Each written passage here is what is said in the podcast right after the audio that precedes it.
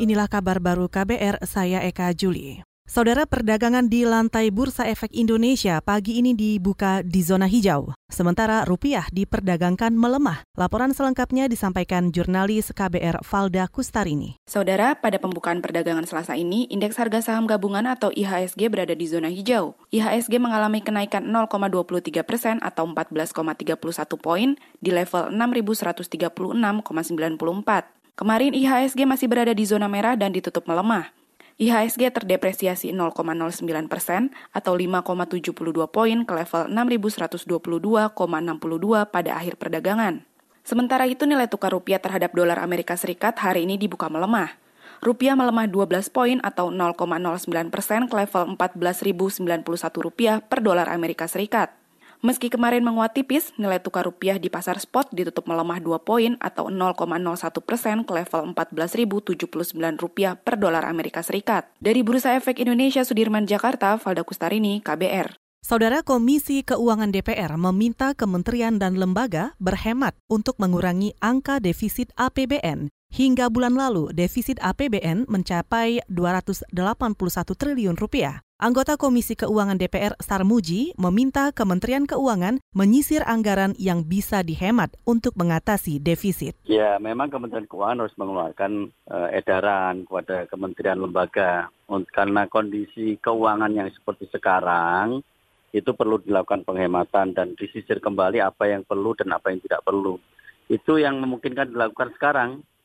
Kecuali kalau pemerintah mau berambisi mau nambah hutang ya. Tapi menurut saya hutang menambah hutang dalam kondisi sekarang untuk nutupi defisit, eh, menurut saya sih tidak suatu langkah yang tidak bijaknya. Itu tadi anggota Komisi Keuangan DPR dari Partai Golkar Sarmuji. Sebelumnya, Kementerian Keuangan menyebut defisit anggaran per 31 Oktober 2019 mencapai 281 triliun rupiah atau mencapai 1,8 persen dari produk domestik bruto. Angka defisit ini lebih tinggi dibandingkan periode yang sama tahun sebelumnya sebesar hampir 230 triliun rupiah atau 1,56 persen dari PDB. Defisit terjadi karena lesunya penerimaan dari sektor migas, non-migas, dan pemasukan negara bukan pajak.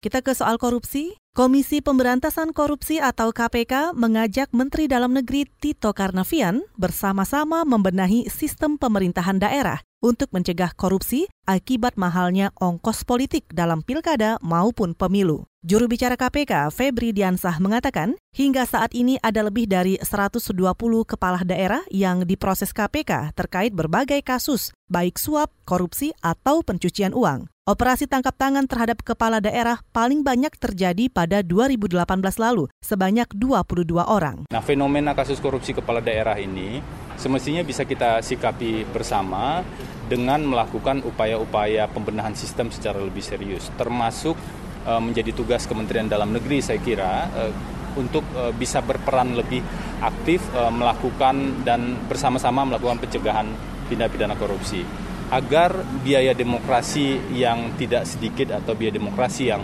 mahal itu dalam proses eh, pilkada. Saudara juru bicara KPK Febri Diansah mengatakan langkah pencegahan perlu dilakukan agar resiko korupsi ditekan dan masyarakat bisa menikmati alokasi anggaran lebih besar. Sebelumnya Mendagri Tito Karnavian menilai operasi tangkap tangan kepala daerah yang selama ini dilakukan KPK bukan prestasi yang hebat. Bekas Kapolri ini menyebut sistem politik Indonesia memakan biaya politik yang tinggi sehingga membuka peluang kepala daerah korupsi.